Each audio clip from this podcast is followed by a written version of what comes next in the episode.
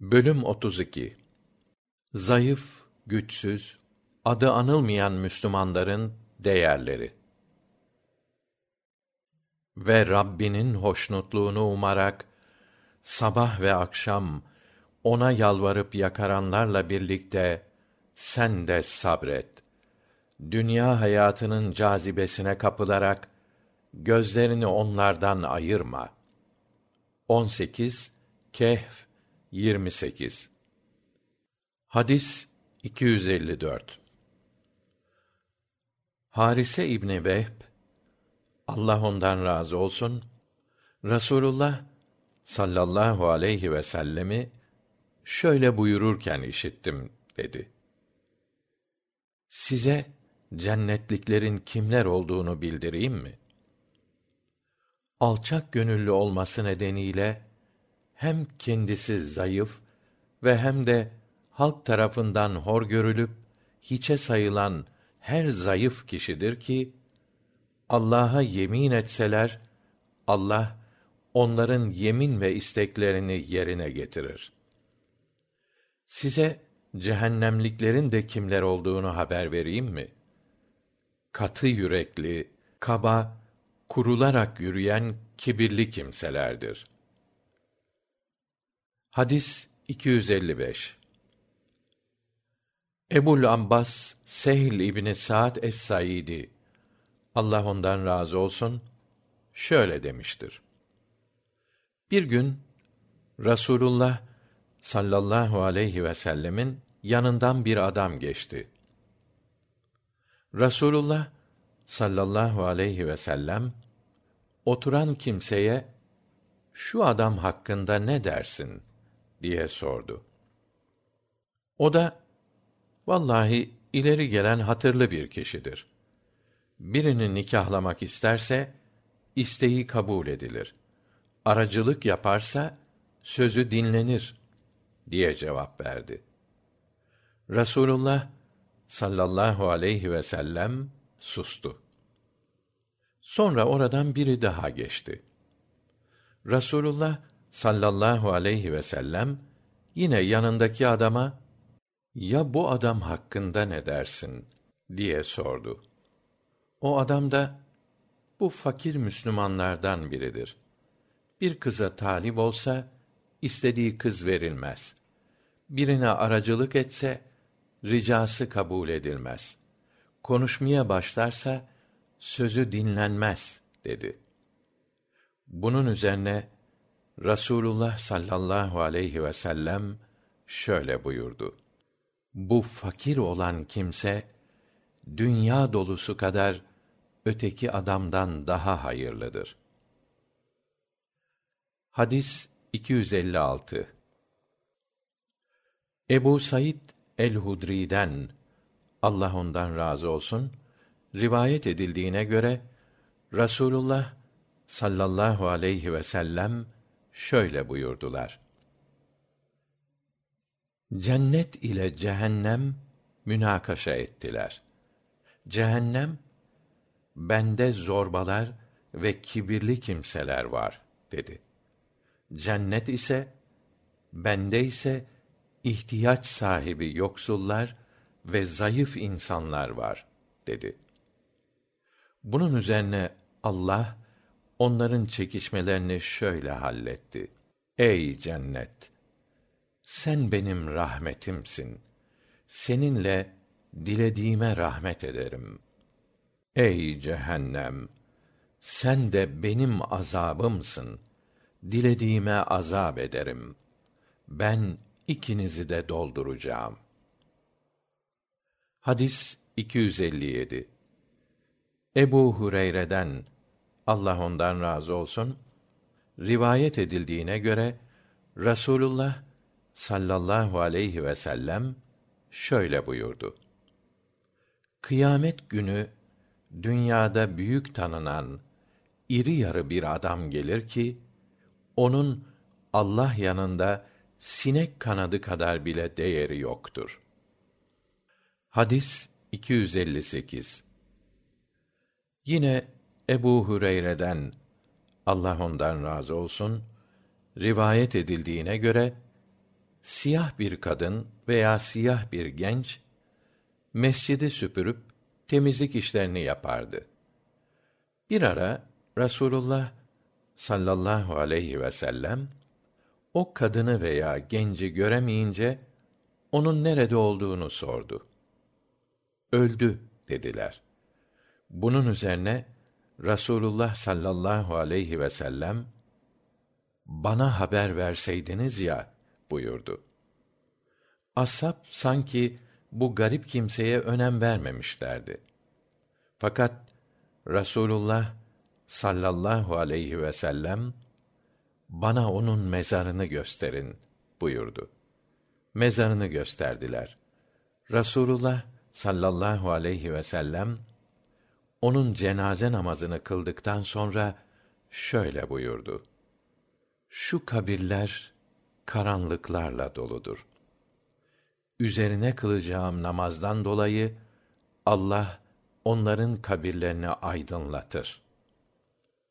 Hadis 259 Yine Ebu Hureyre'den Allah ondan razı olsun rivayet edildiğine göre Rasulullah sallallahu aleyhi ve sellemin şöyle buyurduğunu bize aktarmıştır. Saçları dağınık, tozlanmış ve kapılardan kovulmuş nice kimseler vardır ki bir şey hakkında bu şöyle olacak diye yemin etseler Allah onun yeminini yerine getirir ve duasını kabul eder. Hadis 260. Üsame'den Allah ondan razı olsun bildirildiğine göre Peygamber sallallahu aleyhi ve sellem şöyle buyurdu.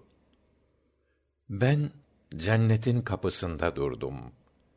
Gördüm ki girenlerin çoğunluğu darlıkta yaşayan muhtaç kimselerdi. Zenginlerse hesapları görülmek üzere alıkonulmuştu. Kesin olarak cehennemlik olanlarınsa ateşe girmeleri emrolunmuştu. Cehennemin kapısında durdum ve baktım oraya girenlerin çoğu da kadınlardı. Hadis 261 Ebu Hureyre'den Allah ondan razı olsun rivayet edildiğine göre Rasulullah sallallahu aleyhi ve sellem şöyle buyurdu. Üç kişiden başka beşikte konuşan olmamıştır.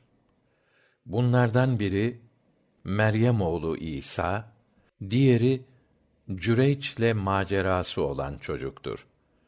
Üçüncüsü ise hadisin sonunda anlatılacak çocuktur.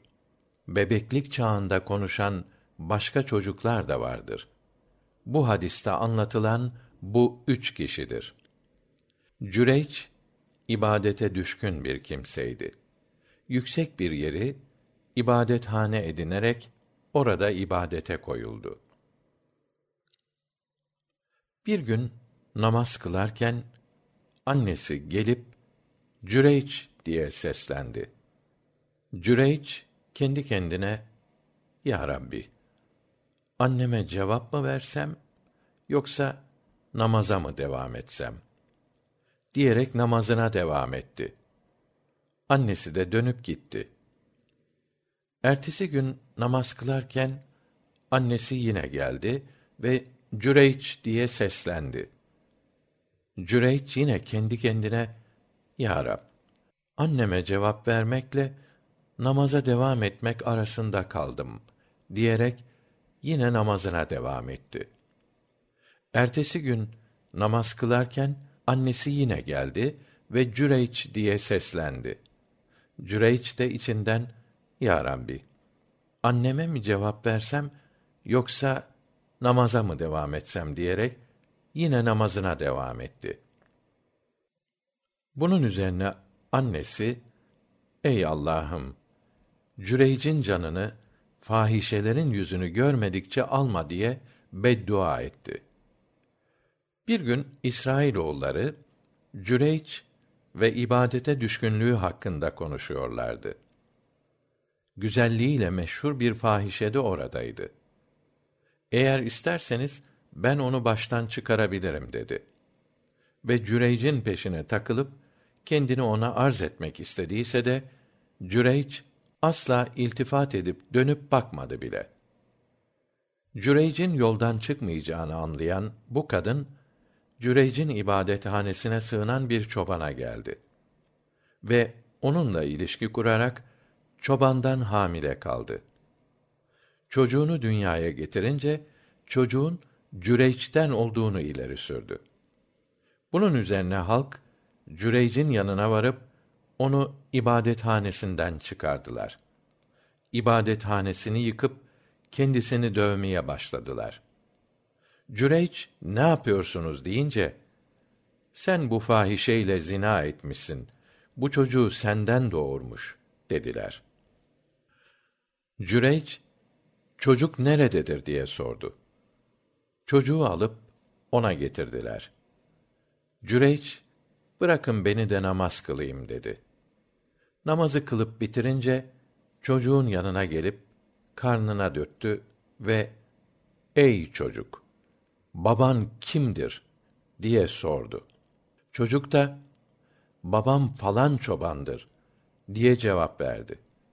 Bunun üzerine halk Cüreyce dönerek onu öpmeye ve okşamaya başladılar ve sana altından bir ibadethane yapacağız dediler.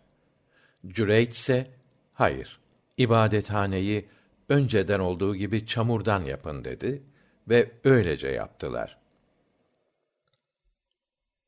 Beşikte konuşan üçüncü çocuğun durumu da şöyledir. Çocuğun biri günün birinde annesini emerken güzel bir ata binmiş, iyi giyinmiş, yakışıklı bir adam oradan geçti. Çocuğun annesi Allah'ım benim çocuğumu da böyle yap diye dua etti. Çocuk memeyi bırakarak atlıya döndü ve onu süzerek Allah'ım beni onun gibi yapma dedi ve sonra emmeye koyuldu. Ebu Hureyre der ki, Peygamberimiz sallallahu aleyhi ve sellemin şahadet parmağını ağzına koyarak çocuğun emişini hikaye ettiği hali gözümün önündedir. Rasulullah sallallahu aleyhi ve sellem sözüne şöyle devam etti. Zina ettin, hırsızlık yaptın diye dövülen bir cariyenin, köle kadının yanından geçtiler. Cariye ise Hasbiyallahu ve ni'mel vekil. Bana Allah'ım yeter. O ne güzel vekildir diyordu. Durumu gören anne çocuğumu bunun gibi yapma diyordu. Çocuksa yine memeyi bıraktı ve cariyeye bakıp Allah'ım beni onun gibi yap dedi. Bundan sonra anne ile çocuk konuşmaya başladılar. Anne yakışıklı bir adam geçti. Allah'ım benim oğlumu da bu gibi yap diye dua ettim. Sen ise Allah'ım beni onun gibi yapma dedin. O cariyeyi hırsızlık ettin, zina ettin diye döverek götürdüler de ben de Allah'ım çocuğumu onun gibi yapma dedim. Sen ise beni onun gibi yap dedin. Sebebini anlayamadım deyince çocuk şöyle cevap verdi. O adam zalim ve merhametsizin biriydi. Bu sebeple beni bu gaddar gibi yapma dedim. O cariyeyi ise zina etmediği halde zina ettin, hırsızlık yapmadığı halde hırsızlık yaptın diye dövüyorlardı. Bunun için de beni onun gibi yap diye dua ettim dedi.''